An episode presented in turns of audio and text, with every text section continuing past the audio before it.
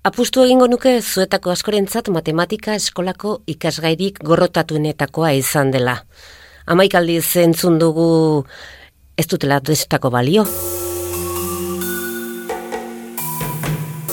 Eta esaten badizuet ekuaziok balio ezaketela minbizia bezalako gaixotasun bat ezagutzeko? Eredu matematikoek laguntzen dutela gaixotasun kronikoak aztertzen?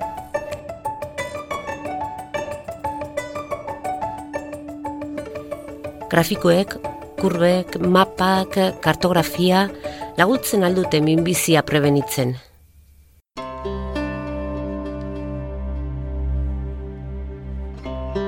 Matematikak eta osasuna, estatistikak eta gaixotasun kronikoak. Koronavirusaz aratago, zenbait erainoko lotura, ustardura dute, gu pentsa baino asko zere gehiago. Ingelesez disease mapping deitzen den termino bat da, eta euskaraz hori gaixotasunen e, irudikapen kartografikoa izango litzateke itzulpena bai. Interesa dauka, aztertzea ze gertatzen ari den, ze gertatu den, eta predikzioak egitearen oski. Horretaz, solastuko gara gaurkoan. Izan ere, Nafarroko Unibertsitate Publikoan aplikazio bat dute martxan, minbiziagatik hiltzeko arriskuaren patroiak ezagutzeko.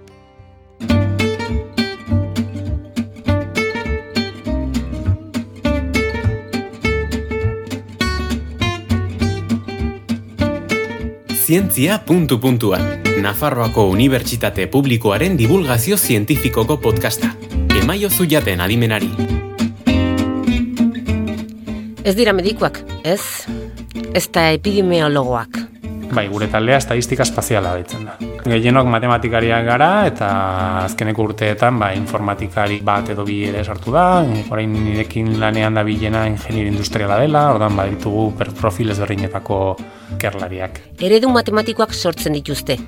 Eta eredu horiek datuekin elikatzen dituzte gero mapetan eta grafikoetan isladatu izateko. Zertarako? Gaixotasunak hobekiago ezagutzeko fokuak non diren jakiteko, epidemiologoek eta osasun publikoan adituak direnek ondorioak atera eta neurri berriak martxan jartzeko. Bai, minbiziaren aurkako borrokak mundu osoko mediku eta ikertzaileak ditulanean. Tartean, aritzadin naparra.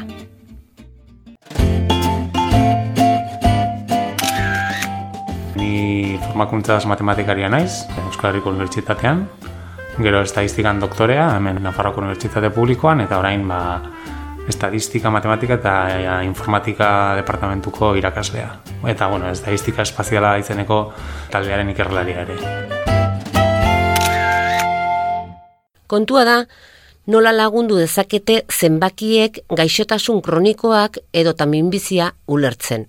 Eta ordan aztertu nahi duguna da gure ereduekin da lurralde batek daukan izaeragatik edo beste arrazoien batengatik zergatik edo non dauden intzidentzia edo ilkortasun arrisku altuagoak edo tasa altuagoak adibide bat jarriko zeniguke? Ba, egun normalean lan egiten ditugun datuekin izaten dira e, minbiziako e, hilkortasun datuekin, ba, mota ezbeinetako minbiziako datuak eta interesatzen zaizkigunak da ba, lurraldeka aztertzea, ba, dibidez provintziak edo munizipioak e, hartuta, ze zonaldetan dauden hori ga, hilkortasun arrisku altuagoak. Beti, helburua izanik, ba, gero epidemiologoek edo osasun e, zientzietako ikerlariek beraiek ba, hipotesiak izan dizatela ba, jakiteko zergatik gertatzen den hori. Ba, baite guk proposatzen ereduak beraintzat oso erabilgarriak dira, ze gaixotasun horien buruzko arrisku faktoreak bilatzen laguntzen aldie. Eta non fokoak non dauden, eta no, gero horren ondorioz, erabakiak hartu behar dituztenek, ba, e, baliabide ekonomikoak leku konkretu batzuetan epintzeko, ez? Bai, ba, aztertu egin dugu e, bular minbizia, e, birika minbizia eta mota ezberdinetako hilkortasunak edo intzidentziak aztertu izan ditugu eta bueno, atera diren lanak eta ondorioak nik uste baliagarriak izan direla orokorrean, ez? E. Modela guen helburua da jakitea zein lurraldetan dauden e, arrisku altuagoak, e, ba, normalean Espainiarekin konparatuta edo zure referentzia lurralderekin bai. konparatuta. Gehienak jakiteko non dauden foko horiek edo zergatik egon daitekeen arrisku altuagoak zonalde batzuetan besteetan baino. Eredu matematikoen bitartez, mapetan irudikatzen dituzte datuak gaixotasun baten inguruko ondorioak ateratzeko. Abeleko menbizia edo bestelako gaixotasunak astertzen direnean, badirudi erlazionatuak egon daitezkela ba, dietarekin eta bestelako faktorekin. Horan ikusten dira ezberdintasunak Espainiako lurraldez nahi da. Bai. Ondartzako zonaldeetan edo arriskoa basuagoa izaten da eta barrualdeko lurraldeetan altuagoa izaten da. Eta badirudi ba, dieta edo bestelako uh, faktorekin erlazionatu egon daitekela. Hori modelok ez dute esaten azken finean, baina nolabait laguntzen dute Berrikuntza eta jakintza dosi ezin hobean. Zientzia puntu puntuan. Egia, ekuazioek lagundu dezakete gertatutakoa irakurtzen. Eta gertatuko dena? Balio aldute hortarako eredu matematikoek? Bai, bai, azkenean eredu matematikoak ere predikzioak egiteko erabilia daitezke. Orduan, gaur egun askotan ba, interesa hortan egon daiteke ere, ez? Zer gertatuko da, hemendik hilabete batzuetara edo egun batzuetara eta azkenean ereduek predikzioak egiteko gaitasunare badute. Beste gauza bada predikzio horietan ziurgabetasun handia egon daitekela eta predikzio bat ematen denean, ba ziurgabetasun horren neurria ere eman behar da. Zuk ezin duzu nolabaiteko predikzio bat eman, berari lotuta dagoen ziurgabetasun horren neurria eman gabe. Zinbestekoa da. Argi izan beharko genuke ba, ez dira aztiak, ez dituzte igerle doaiak. Naiz eta azken urte honetan gehiagitan eskatu zaien izurritaren bilakaera iragartzeko formula matematikoen bitartez. Espainiako gobernutik egon zen e, nolabaiteko deialdi bat, ez, deno konfinatuak gaudenean, etxean, tematek da Espainiako matematikako batzordeak, ba, nolabait ekimen bat zabaldu zuen, ba, unibertsitatez horrenetako ikerlariek, ba, beraien aportazioak egiteko COVID-aren gaixotasun inguruko predikzioak egiterako. Eta gu ere horregun ginen lanean, saiatu ginen gure predikzioak egiten, beste taldeekin batera, eta no, nik uste hartutako zenbait erabaki, estatu mailako zenbait erabaki, ba, predikzio jei esker egin zela. Baina egia da ere, predikzioak onak izateko, datuak onak izan behar direla.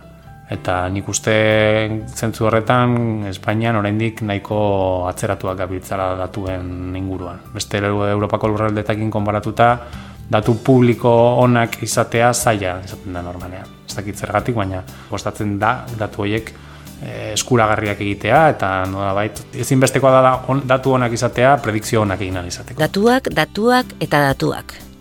Horixe, hogeita bat garren mendeko altxor preziatua datuekin elikatzen baitira eredu matematikoak. Bai, bueno, agerarri dago, ez, enpresek datuak erosten dituzte, eta enprese eta datuekin negozio egiten dute, baina nik uste datu ofizialak, kutsadura, e, minbizia eta bestela kasunetan koronaviruseko agian datuak, mm. horiek nik uste publikoak izan barko liratekela eta eskuragarriak. Ze horrela, edonork datu horiek aztertu eta eta bere metodologia erabili dezake guztion onerako zientzia puntu puntuan, nupen podcasta.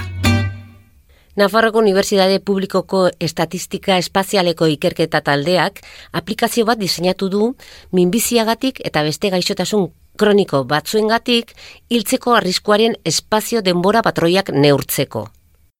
Aplikazioa librea da, eta eozin ikerketa taldeek edo erakundek erabili dezake baimenik gabe.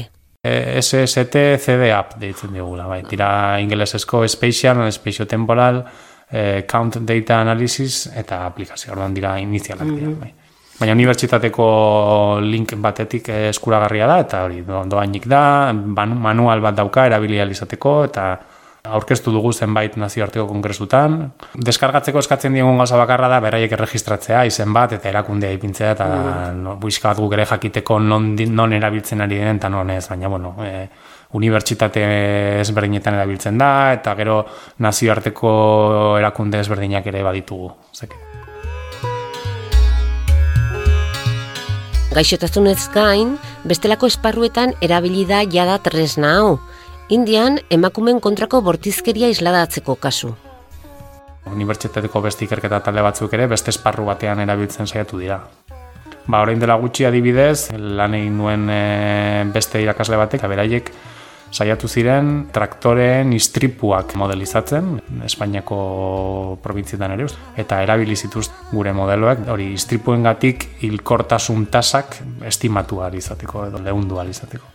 Eta beste arlo askotan ere erabili daitezke violentzia kontrako generoko aplikazioak ere egin ditugu Indiako e, zenbait urraldeetan.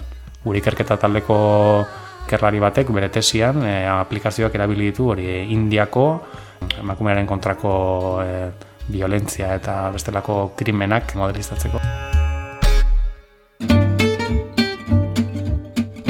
Bai, datuen irudikapen grafikoa informazioa sistematizatzeko giltzarria da. Gaixotasunen bilakaeren interpretazioa berazten du eta agerian ez dauden konexioak azalarazten ditu. Baina matematikariak modan jarri diren honetan ezaztu Datuak, datuak dira. Zenbakiak, zenbaki. Beraz, gure ikerlariek ez dute magiarik egiten. Bazdakit, geroz eta gehiago exigituko digute, segurazki, ez? Duk esan bezala, orain modan dagoenez edo daudenez edo matematikoak, nire lurrare bada, haber, orain guk problema guztientzako soluzioak bilatzea eskatuko tesa izugun edo ez. E, normalean gure helburua problemei e, hori soluzioak bilatzeak izango izango da noski baina problema guztiak ezingo dira segurazki eh bat ordan presio hori ere ona edo txarra izango alde batetik ezagutzera eman gaituzte ez estadistikari hori eta matematikerei baina ez dugu magiarik egiten hori be egia Ez zarete magoak orduan Ez gara magoak ez ez ez, ez. zenbakiak zenbakiak dira eta horrez dago inongo magiarik Oneraino gaurko gure saioa entzule. Zientzia puntu puntuan gaur saiatu gara estatistika eta osasun zientziak maneiatzen. Gustura dastat duzuelakoan, ongi zan. Zientzia puntu puntuan entzun duzu. Nafarroako Unibertsitate Publikoaren podcasta. Gozatu zientziaz.